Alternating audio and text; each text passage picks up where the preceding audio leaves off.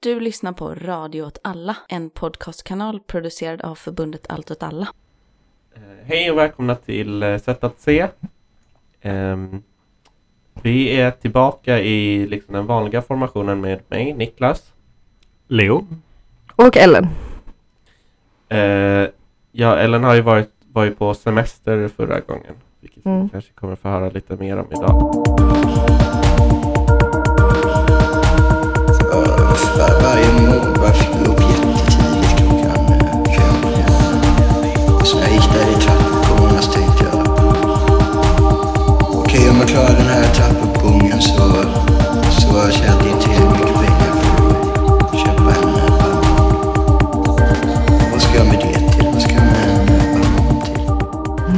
Nej, men jag ska prata om någonting som jag har tänkt lite på efter ehm, mm, eh, invasionen av Ukraina. Rysslands invasion av Ukraina.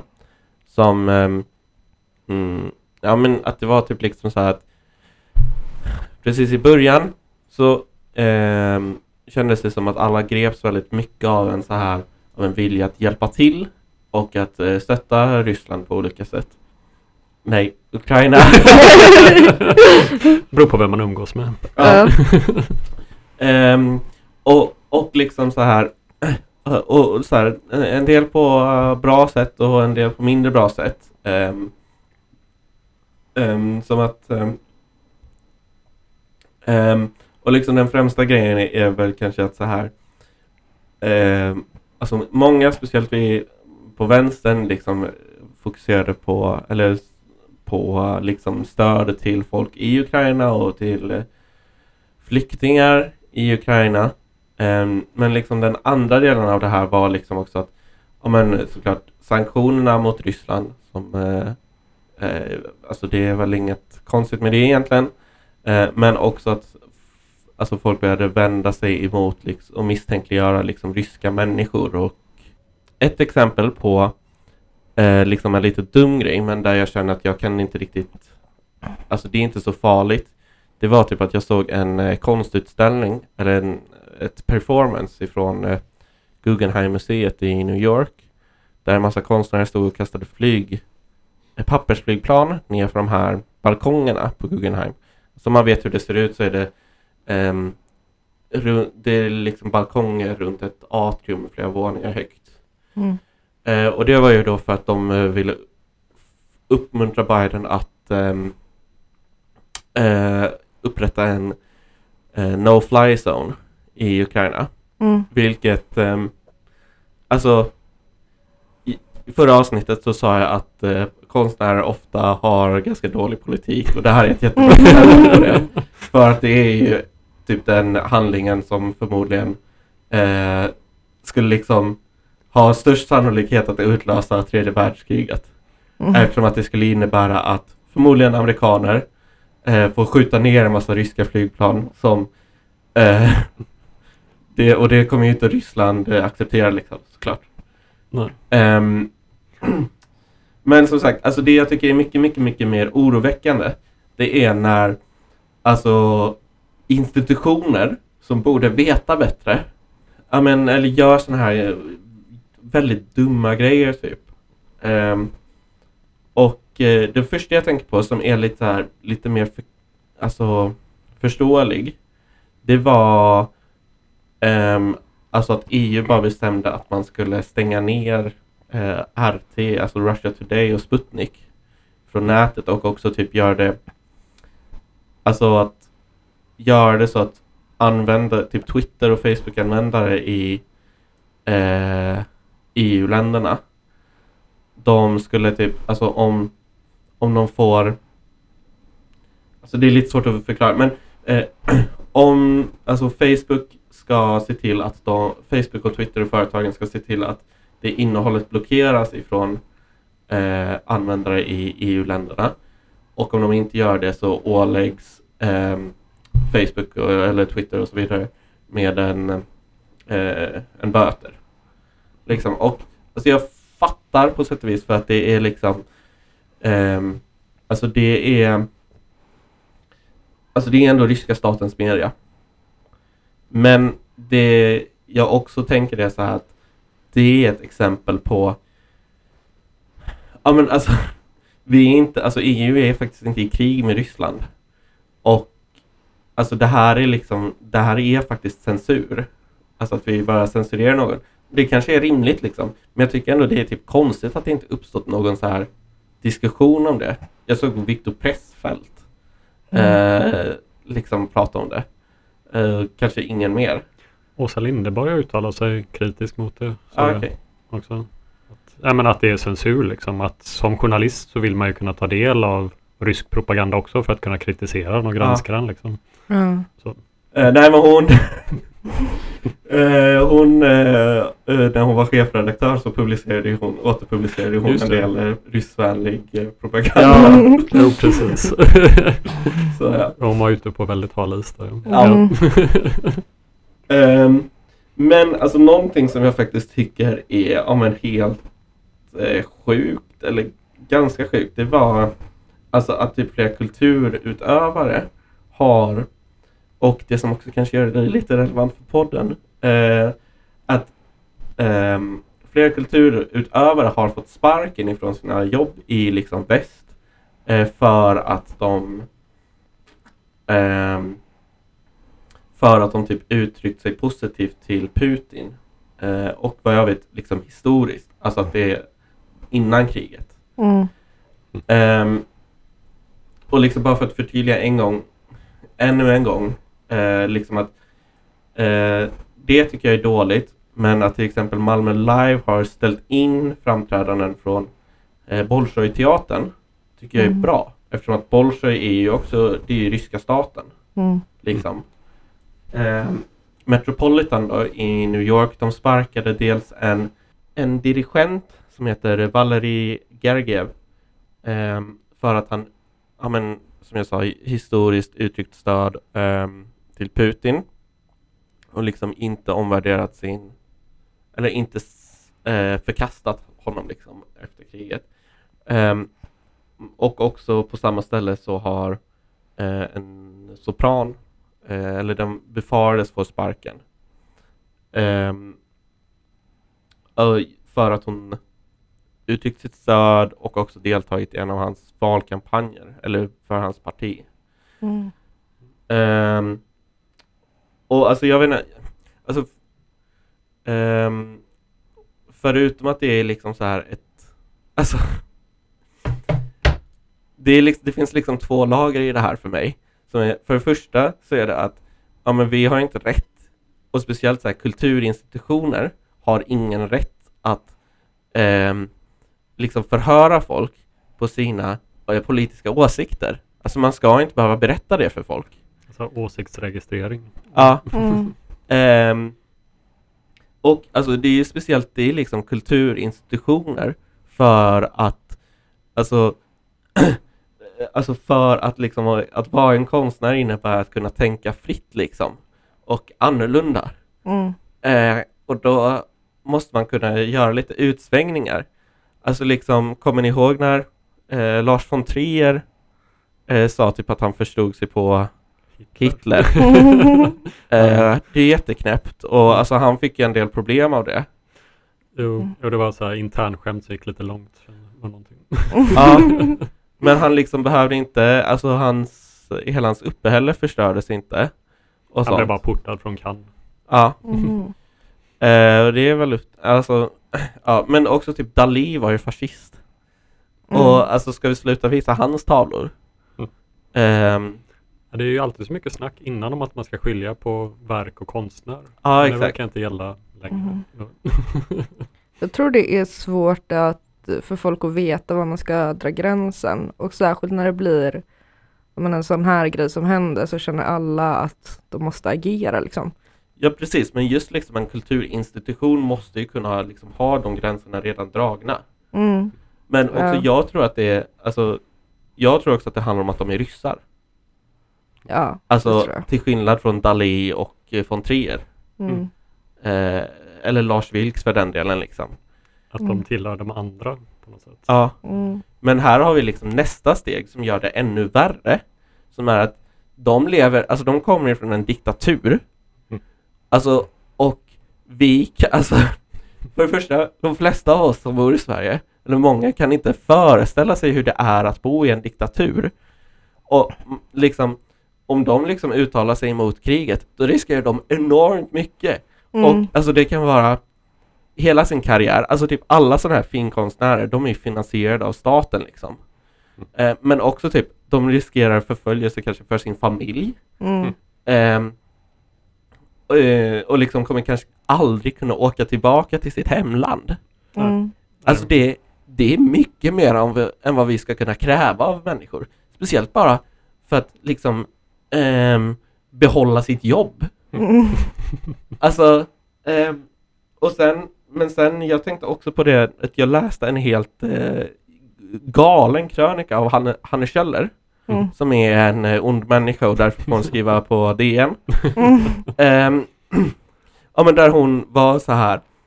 Det är bra om ehm, det, det är bra om sanktionerna slår mot vanliga ryssar.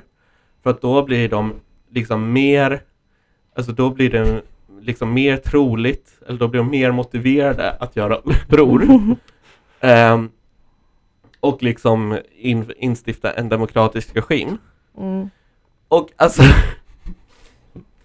ehm, och alltså, jag vet inte, det känns som att det är liksom Ändå intressant att Hanne Kjöller kommer ut som eh, revolutionär. Ja, ja alltså så här, vi ska inte ens gå in på att så här, det var vi som gav, det var väst, vi i väst som gav Ryssland Putin liksom, det är vårt fel. Jo, Eh, men, men sen också att ehm, han är ju en kapitalistisk ledare. Liksom. Mm. Ja, men liksom så här, ni, ni ser ju vad som händer. Alltså ni ser ju vad som händer vad, när man liksom protesterar. Alltså ska man, alltså man kan ju inte kräva folk att så här, ja, du ska kunna få 15 års fängelse, Mm. liksom. Du kan bli skjuten typ. Ja. Jag Alltså- såg, såg en intervju med en, en, en eh, vanlig medborgare från Ryssland på Mm. SVT som pratar just om det här och pratar just om att alla de här sanktionerna som slår mot vanliga ryssar och att man tror att det ska liksom få ryssar att säga ifrån eller så här, att, att det Mm. inte är så det fungerar i en diktatur. Liksom, så här, liksom, att det finns så Mm. hård repression så att det, det är inte, det liksom, för de allra flesta är det inte ett alternativ. Ja men Mm. det är också det att, alltså det är ju den andra delen av det här att alltså sank sanktionerna, de Mm. ehm, Alltså i liksom alla Alltså det man kan se är ju att det snarare liksom drar folk närmare sin Mm. diktator Mm. och misstänkliggör de som är typ västvänliga eller gillar frihet och sånt. Mm. Men alltså jag drar också upp den här typ Hanne Kjöller-grejen för att ehm, jag tänker att, alltså som jag läser hennes text så handlar det om att hon liksom tänker att men om ryssarna verkligen var för demokrati eller så här, verkligen ogillade Putin då hade de avsatt honom, Mm. typ. Ehm, så att vi måste bara motivera dem lite mer. Eh, och att alltså, och därför så är det liksom okej att bestraffa dem också. Alltså så länge de inte liksom blir som oss. Ja. Ehm, Då förtjänar de det. Mm. ja. Och jag vet inte, alltså jag tänker att det är typ också så här, alltså vi pratar lite om svårigheter med gränsdragningar, men jag tänker att det är liksom också så här, hela den här liksom reaktionen att typ likställa Putin med Ryssland eller liksom ryssar att det är lite typ avslöjar alltså typ sen, den här liberala synen på eh, staten och nationen att det är liksom ändå förkroppsligandet av liksom den ryska folksjälen. Eh, och att alltså om alltså jag, alltså att, jag tror ändå på något sätt att de ändå tänker så att så här, om ryssar eh, liksom verkligen inte gillade honom, då hade de bara avsatt honom. Alltså att det är liksom att man har, men också att man typ levt i demokrati så länge att man kan inte tänka sig att någon bara kan eh, liksom hålla nere yttrandefriheten. Alltså man kan inte tänka sig in i situationen där folk liksom eh, avgränsar yttrandefriheten, straffar folk jättehårt och att landet bara fungerar så i 30 år. Mm. Utan att de tänk, alltså de hör så här, de ser på nyheterna om att folk blir ehm, ja, men skjutna och, och sånt och så tänker de gud vad hemskt typ. Men det här är för att, alltså så här, det finns kanske några få goda men de flesta ryssar, de tycker om Putin. Mm. Ja, Man ser inte att det finns en skillnad mellan stat, regim och folket, liksom, Mm. så här, befolkningen. Så att det, det oftast det är väldigt två skilda saker. Ja. Mm. Men, Men liksom, jag tänker också på, alltså bara på hur det är i Sverige liksom när det blir liksom eh, så här upprorsstämning över Mm. någonting som alla är emot. Så så här, man ska skära ner på skolbudgeten med 45 procent eller någonting sånt. Va- Ålderdomshemmen. Mm. Alltså folk blir ju upprörda och, och skriver kanske arga inlägg och sånt. Men sen går ju en tid och sen går ju det över liksom. Mm. Sen går man och, och muttrar och är lite småsura men sen röstar man ändå på sossarna i, i nästa val för det har man gjort i 45 år liksom. Ja. ja, men man, man vänjer sig och man tänjer sig. Mm. Man måste vänja sig. Ja. Eh, nej men eh, alltså det var kanske lite rörigt men det, det- alltså, alltså slutpoängen är liksom så här, även om det är så att, att liksom den här eh, eh kompositören alltså tycker att Putin är jättebra och vi har liksom inte riktigt med det att göra. Alltså, eller alltså så här, alltså vi kan inte bestämma helt enkelt. Det är ju också det här att det handlar inte om att han har uttalat sig positivt till Ukraina, eh, kriget mot Ukraina, inte vad jag har läst, det kan ha kommit någonting senare. Um, utan om att eh, utan alltså han fick sparken för att han inte sa någonting. Mm. Och det går ju liksom emot, alltså yttrandefriheten är ju också negativ. Så vi måste också kunna hålla oss ifrån att uttala oss om frågor, speciellt om man kommer ifrån en diktatur. Mm. Ehm, och för jag tänkte också på det att några institutioner som har gjort det bra är liksom Cannes och ehm, Berlins filmfestival, såg jag att. Mm. Eh, de, ah, alltså de var så här, vi kommer fortsätta visa film av eh, ryska regissörer, Mm. men ehm, eh, men inte de som får stöd av den ryska staten. Mm. Det är en skitenkel distinktion som är liksom den enda man behöver göra, känner jag. Alltså om Ja. man vill visa liksom sitt stöd till det ukrainska folket på något sätt. Alltså man, man vill väl också ändå visa sitt stöd mot det ryska folket. Ja, Alltså för att de, ja, det är liksom, de har inte gjort någonting. Och de vill inte ha det här och de vill inte ha sanktioner och grejer. Nej, Maxim Gorki har ju sagt att ehm, kommunism skulle aldrig någonsin kunna eh, fungera, eller jag tror det var demokrati till och med kanske, skulle Mm. aldrig någonsin kunna fungera i Ryssland. Det ryska folket är för lata. det kan det vara därför de inte gör uppror också. ja. Ja, jag tänkte på det med hon Hanne Kjöller för att det finns väl mycket, eller man har forskat på det, vad det är, eller när så här revolter och revolutioner sker.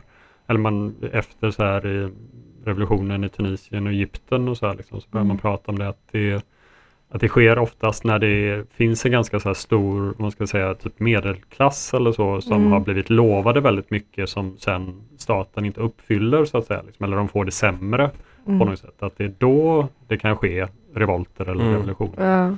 Så att bara det här att få alla ryssar som redan har det ganska pissigt att få det ännu sämre kommer, ja som du säger, kanske mer knyta dem till staten för att de blir mer beroende av staten också Ja. och motverka att det sker en revolution. Mm. Och så här. Mm. Ehm, ja, den tanken. Ehm, ja men i, ehm, just det om, eh, om man vill eh, visa sitt stöd till eh, det ukrainska till Ukraina så har vi förbund, förbundet Allt åt alla just nu en, eh, en insamling eh, till en eh, organisation som är ja, men lite som oss i Ukraina som heter Sociala rörelsen. Jag tänker att jag ska försöka ha lite information om det i avsnittsbeskrivningen. Men man får gärna skänka en slant dit. Det hjälper dem att se till så att världen, eh, eller liksom det land de får efter kriget är bättre än ja, skit. en litet, litet motstånd mitt i allt. Mm.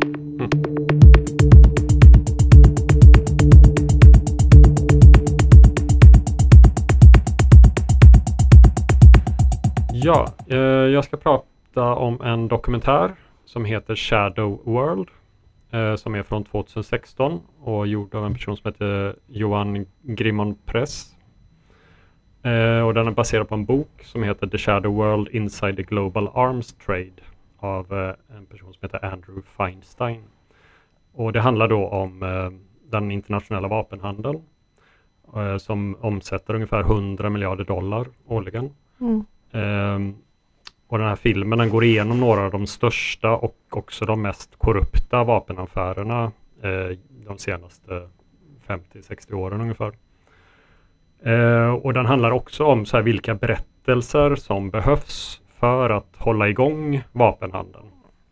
Eh, och några berättelser eh, också som motsäger de berättelserna som används för att hålla igång vapenhandeln. Eh, och för en sån berättelse som tas upp i filmen det är det här att nyliberaler hävdar ju gärna att kapitalismen och den fria marknaden är en garant för så fred och frihet. Ehm, samtidigt som då kapitalets och den fria marknadens intressen ligger bakom många av de militära kupper och krig eh, eh, som har skett i världen när kapitalismen då slått sig fram på olika sätt.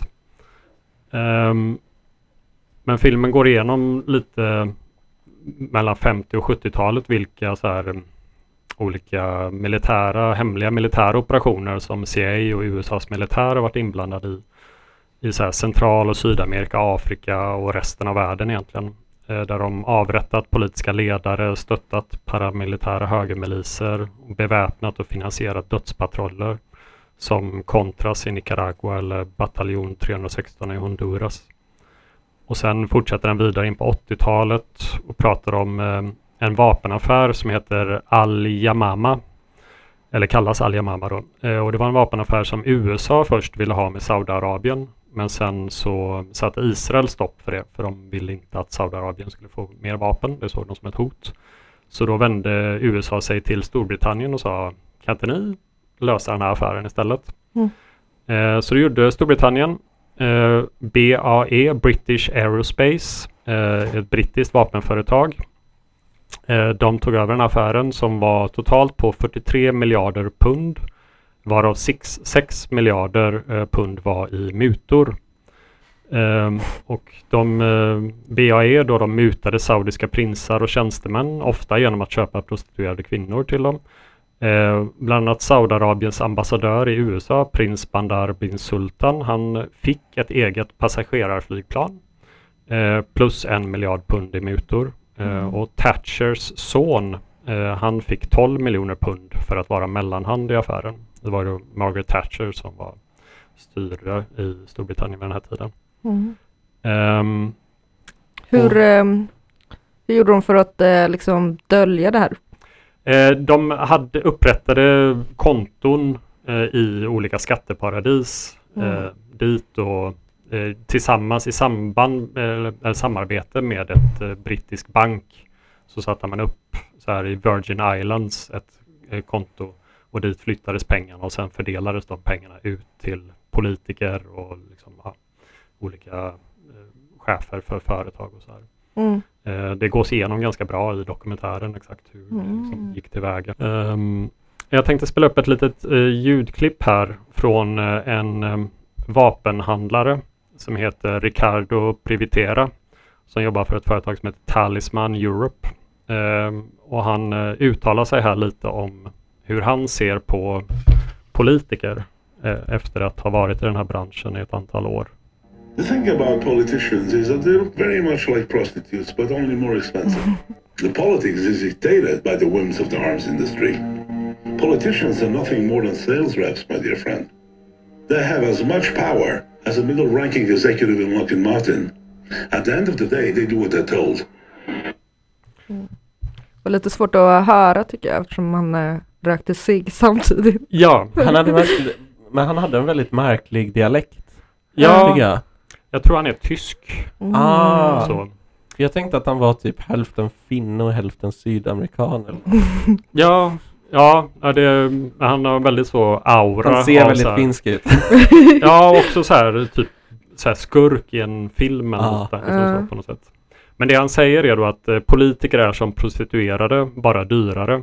Att politiken styrs av vapenindustrin, politiker är bara försäljare. De har inte mer makt än en mellanchef på Lockheed Martin. De gör bara som de blir tillsagda. Eh, Lockheed Martin är då ett av de största vapenföretagen i USA. Det är ett exempel på en sån här korrupt politiker som de tar upp i filmen är då Dick Cheney som är amerikansk politiker. Han eh, var försvarsminister åt George Bush den äldre under Gulfkriget bland annat. Eh, och sen jobbade han åt vapenföretaget Halliburton i tio år. Och sen gick han tillbaks till politiken igen och blev vicepresident åt George Bush den yngre eh, och var det under Irak och Afghanistankrigen. Och de går igenom lite i dokumentären hur Dick Cheney mer och mer privatiserar hela USAs militär i stort sett. Så att eh, de konstaterar liksom att kriget blir i stort sett eller privatiserat. Liksom. Mm. Samtidigt som Cheney själv blir rikare och rikare och liksom en del av den här styrande ekonomiska eliten i USA. Jag, jag tror att jag var kanske 18 år innan jag insåg att Dick Cheney inte var en hiphopartist. det har varit ett bra namn annars på en hiphopartist. Mm. men, eh, men ja, den här dokumentären driver då tesen lite att uh, mutorna är liksom själva motorn i hela vapenhandeln. Och ta lite fler exempel att uh, BAE, uh, det här brittiska vapenföretaget, uh, hade affärer med Sydafrika i slutet på 90-talet då Sydafrika köpte vapen för 10 miljarder dollar varav 300 miljarder dollar gick i mutor till politiker i Sydafrika. Och det här var då pengar. 300 miljoner? Eh, 300 miljoner mm. menar jag. Ja, 10 miljarder var hela summan och 300 miljoner mm. var mutorna. Och de här 10 miljarderna var ju då pengar som Sydafrika hade kunnat lägga till exempel på hiv-mediciner åt sina invånare istället. Mm. Och, så här, och även Saab var involverat i det här. Och sen Sverige är ju involverat på många sätt. Vi har en ganska stor vapenindustri och vapenförsäljning för att vara ett ganska litet land. Bofors sålde ju massa vapen till Indien på 80-talet för 8,4 miljarder till exempel, varav 75 miljoner kronor gick till mutor eh, åt indiska beslutsfattare. Eh, och mutandet blir liksom som en inkomstkälla både för politikerna och för företagscheferna. Här, att mutorna, det som visas i dokumentären också, att mutorna delas ofta mellan den som betalar mutan och den som får mutan. Att man säger så här, ja, jag har de här pengarna, vi sätter in det på det här kontot och delar på dem så blir det bra för oss båda. Liksom. Mm. Eh, och att det underminerar liksom hela demokratin eftersom politiska beslut blir mer och mer fattade efter vad som kan ge mest mutor till mig som politiker, liksom, mm. som beslutsfattare. Mm. Vad gynnar vapenhandeln mest? Vad gör att jag kan liksom, öka min eget välstånd på mer och mer? Um, och det tas upp ett, en berättelse som tas upp i filmen också är det här nyliberala antagandet att vi alla bara är individer som strävar efter vår egen vinning. Att det inte existerar liksom, en kollektiv strävan eller ett samhälle utan att vi bara är giriga och konkurrerar med varandra. Och girighet blir något naturligt eftersträvansvärt och mutor och korruption ses då som ofrånkomligt. Homo economicus. Ja. Mm. Um, och en berättelse som, den tar upp lite olika berättelser som li, lite grann, den försöker liksom balansera upp eller motsäga de här, um, de här mer cyniska berättelserna så att säga. Och i början av filmen så har de den här berättelsen från första världskriget där brittiska och tyska soldater var i varsina skyttegravar och började sjunga Stilla natt under julafton, eh, tror jag 1917. Mm. Och då gick soldaterna upp ur sina skyttegravar och möttes i ingenmanslandet mellan skyttegravarna. Uh, ungefär hundratusentals soldater och uh, umgicks och omfamnade varandra och hade en trevlig julafton. Tills generalen och officerare upptäckte det här och började skjuta och så var kriget igång igen. Uh. Um, en person som intervjuas i dokumentären är också Mikael Hart eh, som är en politisk filosof, eller man ska säga. Han har skrivit de här. Jag tror att han är litteraturvetare i grunden. Okay. Ja. Känd från podden Rekreation. Ja, han refereras oh. ofta där. Han var också med i typ förra, förra avsnittet. Ja, precis. Då pratade vi om honom. Um, han pratar om att vi accepterat äh, ett... Förlåt, vänta. Jag kan också säga att äh, han har skrivit en massa böcker tillsammans med Antonio Negri. Precis. Han väl ändå får sägas vara stjärnan. Precis. Men Mikael Hard pratar då i alla fall om att vi har accepterat ett politiskt system som bygger på rädsla och att det är en gammal politisk taktik. Eh, redan Machiavelli skrev i sin bok Försten eh, om hur då en förste ser att fruktan eller att bli älskad är liksom de två olika sätten som han kan behålla makten på. Mm. Men att han ser då en fördel med fruktan för att den kan härskaren själv bestämma över liksom, eller Mm. kontrollera.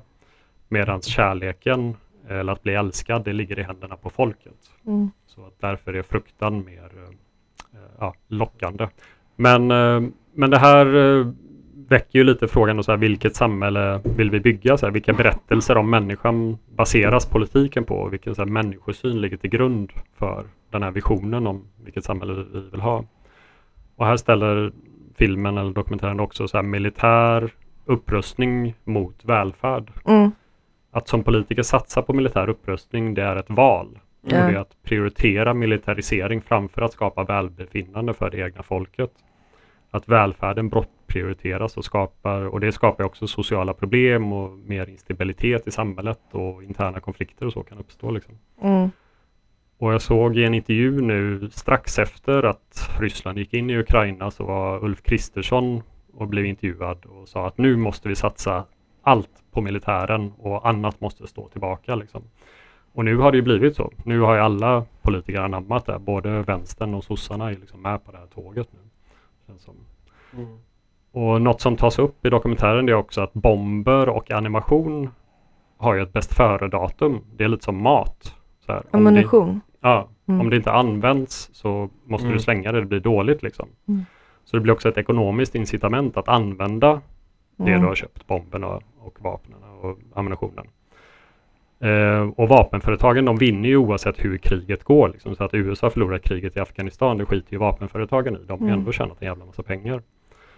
Eh, och det, ja, så den driver den här tesen då att vapenhandeln och företagen bakom den, de driver på och skapar konflikter genom att kontrollera den politiska eliten eller vara den politiska eliten i och med att många politiker går fram och tillbaka mellan vapenföretag och att vara politiker. Mm.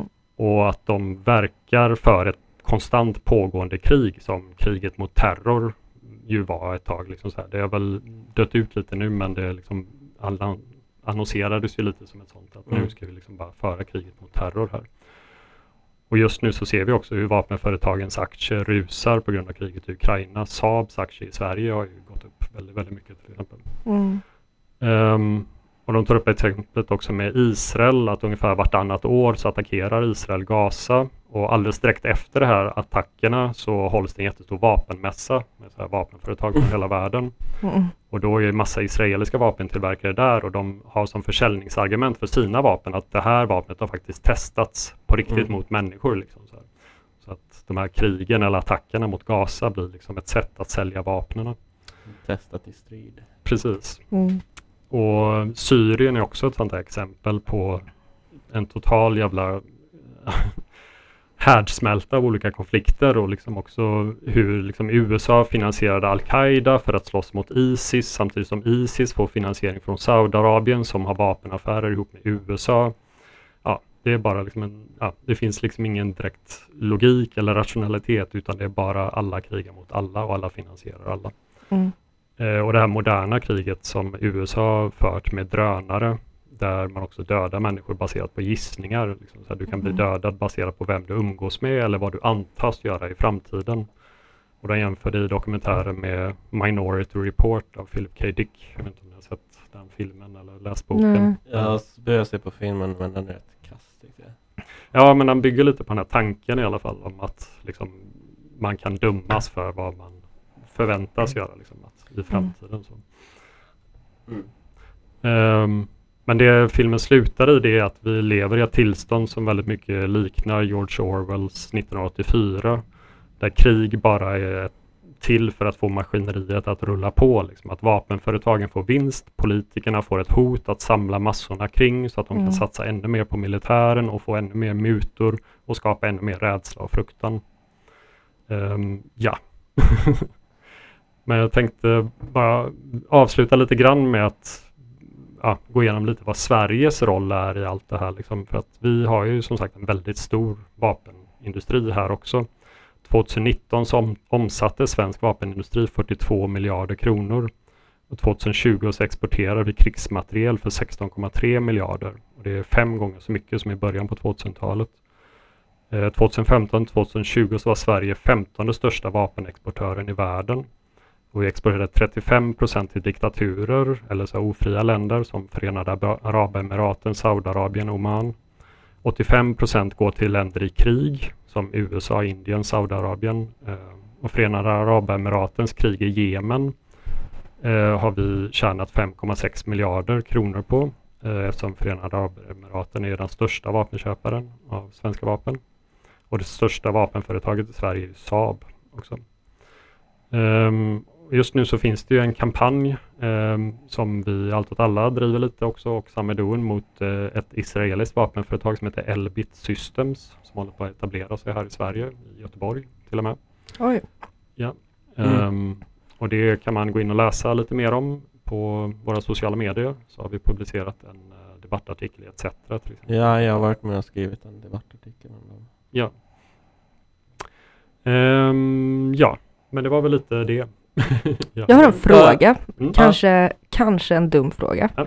Men eh, det är ju väldigt mycket snack nu om att vi måste komma upp i den här eh, 2% av BNP, Mm.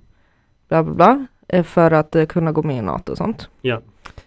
Eh, och så säger de att det typ inte går för att det tar jättemycket tid och vi ligger så himla långt efter och sådana saker. Mm. Men om vi nu eh, producerar och exporterar så extremt mycket vapen, kan vi inte bara fortsätta tillverka lika mycket vapen, sen bara behålla allting själva?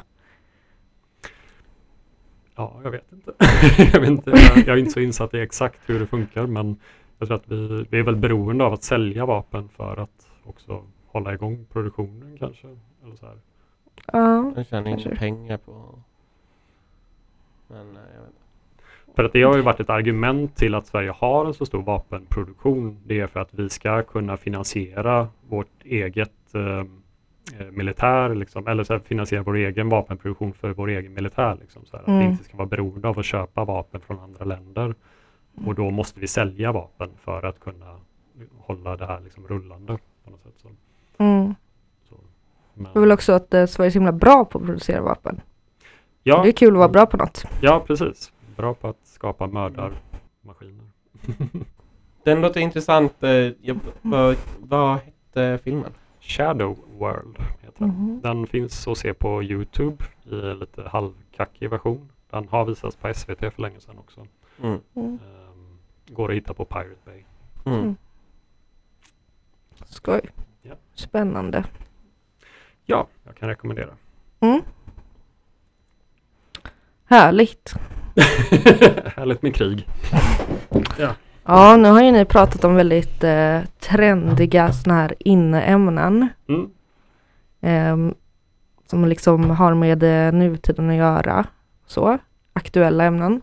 Mm. Jag ska prata om ett mindre aktuellt ämne. Skönt. Kanske lite så här 2014 feeling över det. Mm.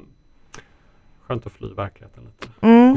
Lite så här modern kolonialism kanske man skulle kunna säga. Jag har nämligen varit på charterresa. Mm. För första gången i mitt liv. Eh, jag har alltid drömt om att åka charter. Det verkar så himla härligt att bara ligga i en solstol vid en pool med ett sånt enormt ölglas. Alltså sånt som man måste hålla med båda händerna. Det ska vara- så.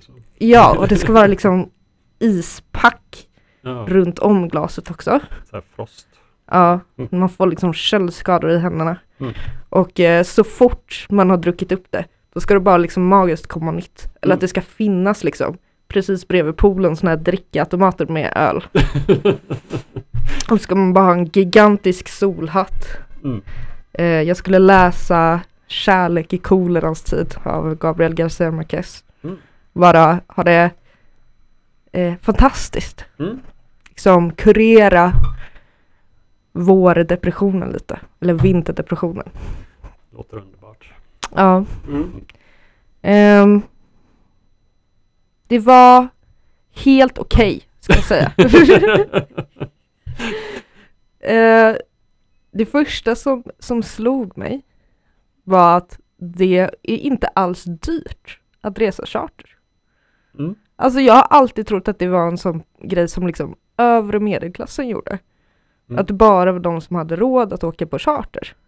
Just för att det verkar ju så, det verkar ju som liksom en extrem lyx att så här, 14 timmar om dygnet ha tillgång till typ en buffé och så här gratis dricka eller det ingår i priset och sånt. Det känns ju som att det skulle kosta kanske 20 000 kronor för en vecka. Jag vet inte. Men, men är det inte också, är det inte för att det är så billigt som det ses ner på också? Kanske. Alltså för att det är kackigt. Mm. Ja. Ehm, alltså det är ju Man åker ju inte på charter för att man vill uppleva kultur liksom. Det, det- Det är väl som de säger i Sällskapsresan, svenskar åker inte till någonting, de åker från någonting. Ja. mm, precis. Ja men det, det är väl också, alltså det är väl eh, såklart en del av det också, att man är inte intresserad av att liksom eh, förkovra sig i annan kultur, utan Mm. man är bara intresserad av sol och värme. Och man är bara intresserad av att ha det härligt. Ja, precis.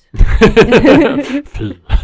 Ja, och det, jag har ändå rest liksom ganska mycket, typ i, ehm, i Europa, kanske åkt liksom en, på en weekend till Paris Mm. och sånt, lite Mm. då och då.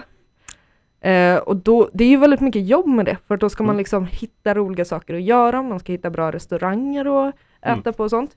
Eh, man kan, alltså kan ju lätt två personer lägga en tusenlapp på mat och dryck på en dag. Mm. Alltså det är, det, är näst, det är svårt att inte göra det. Ja, man ska äta frukost, lunch och middag liksom. Ja. Kanske äta frukost på hotellet eller så. Mm.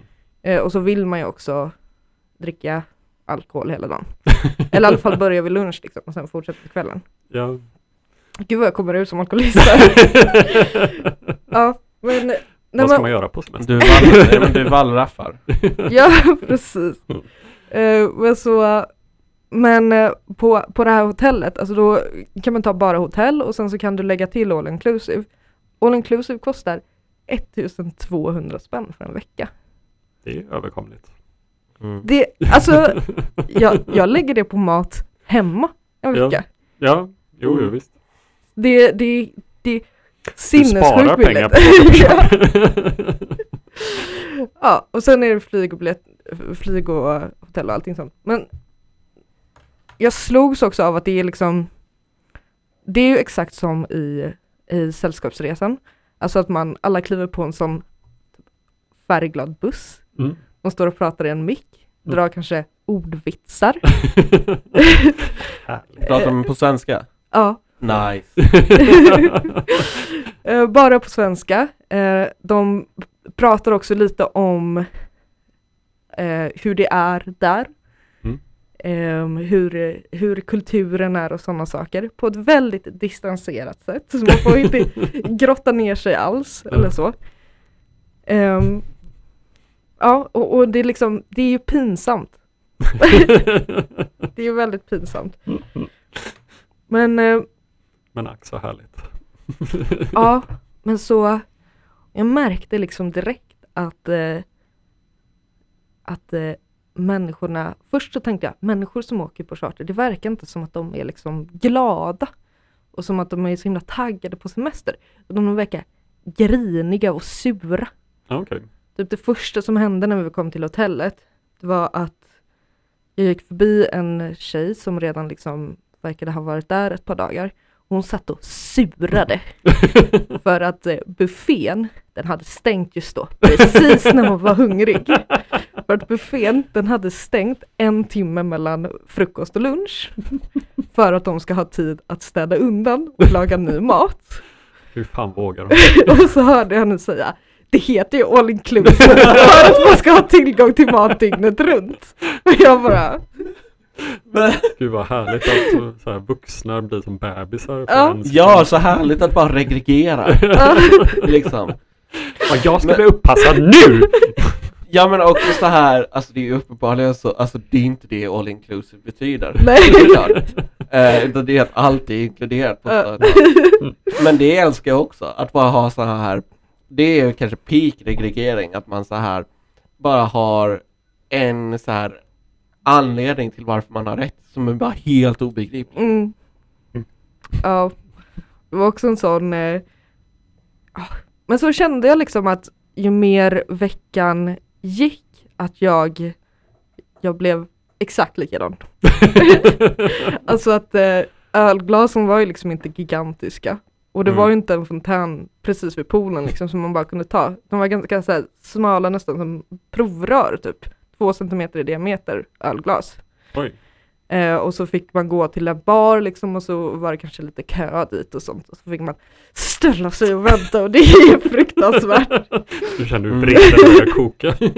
Man kunde också gå ner i matsalen och gå kanske, alltså man fick gå kanske mm, 40 meter och då kunde man hämta öl själv.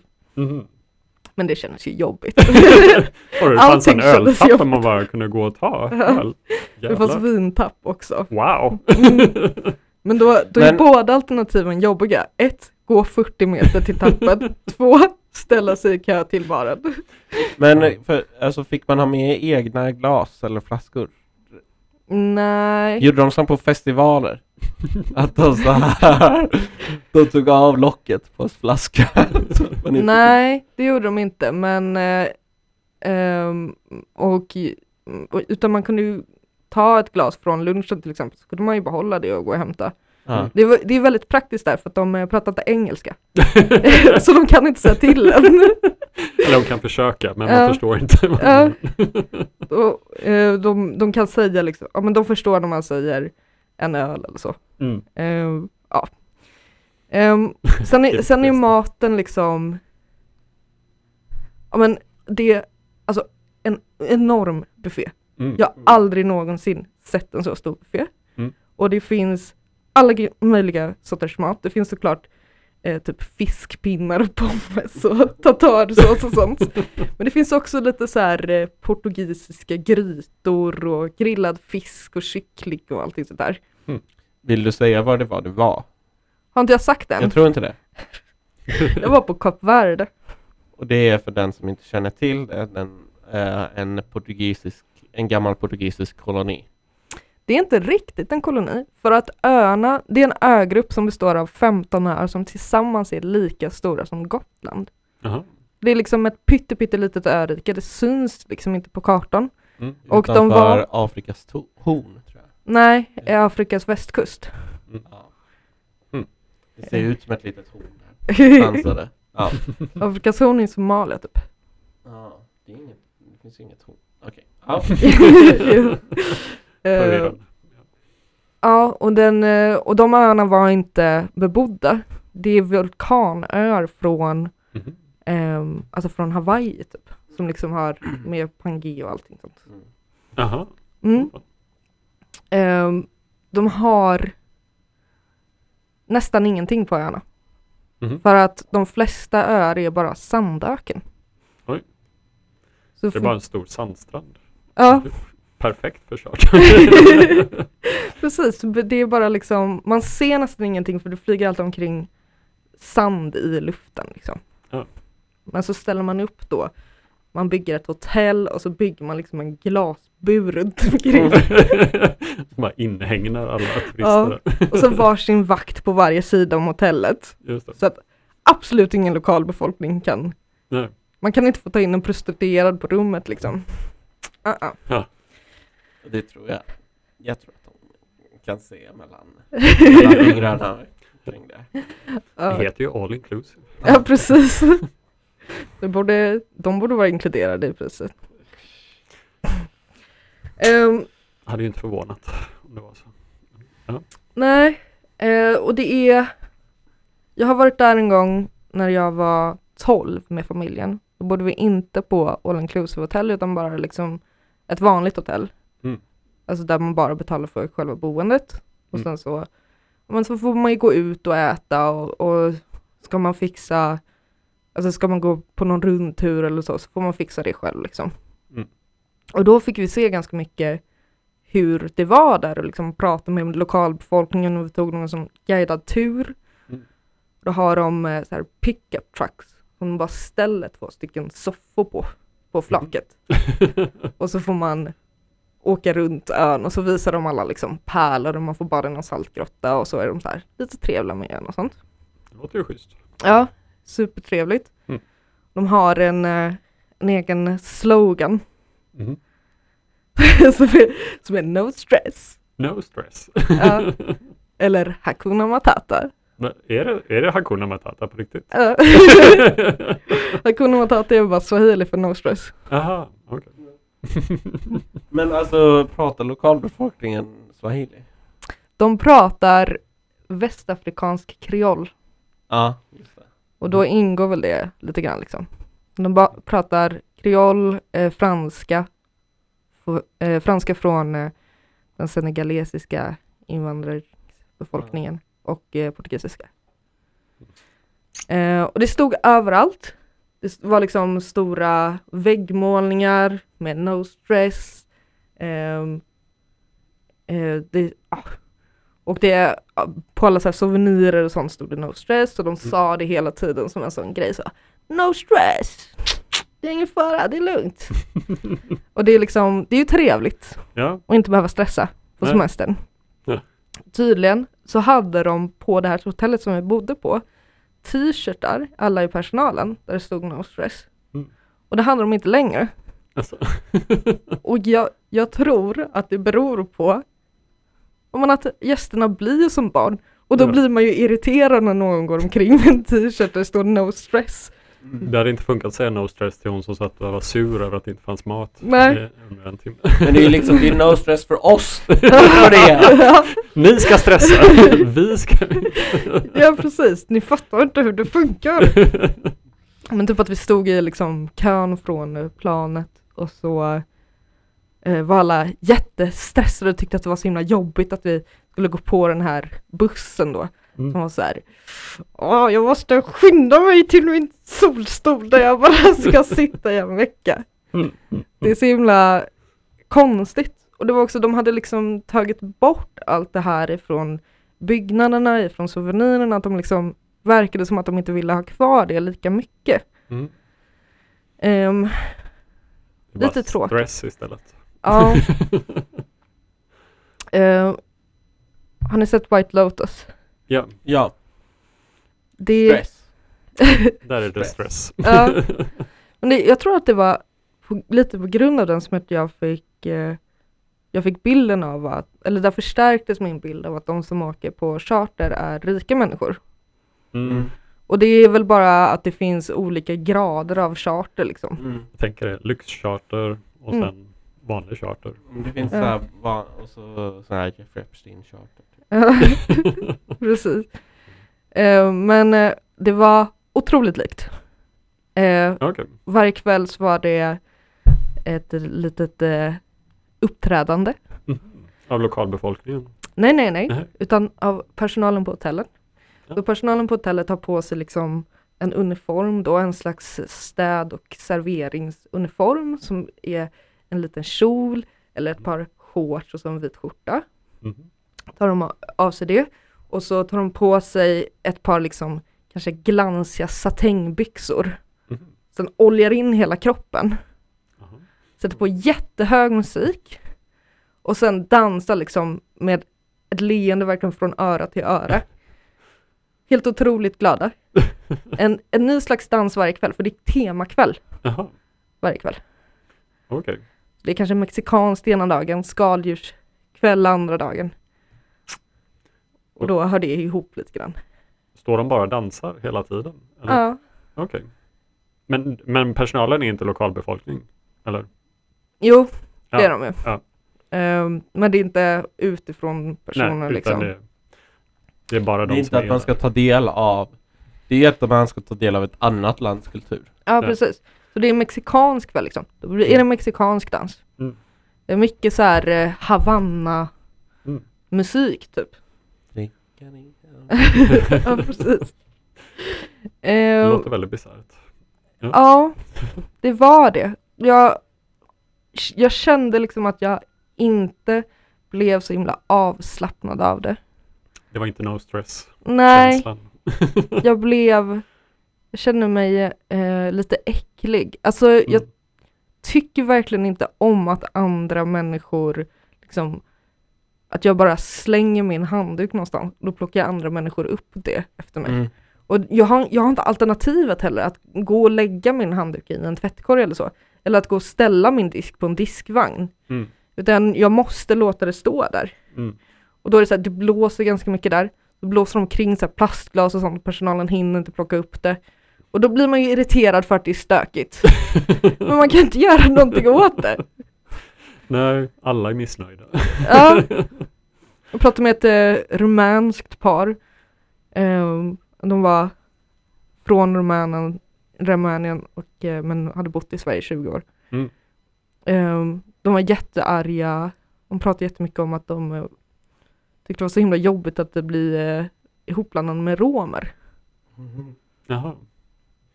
Det känns också ja, men jobbigt liksom.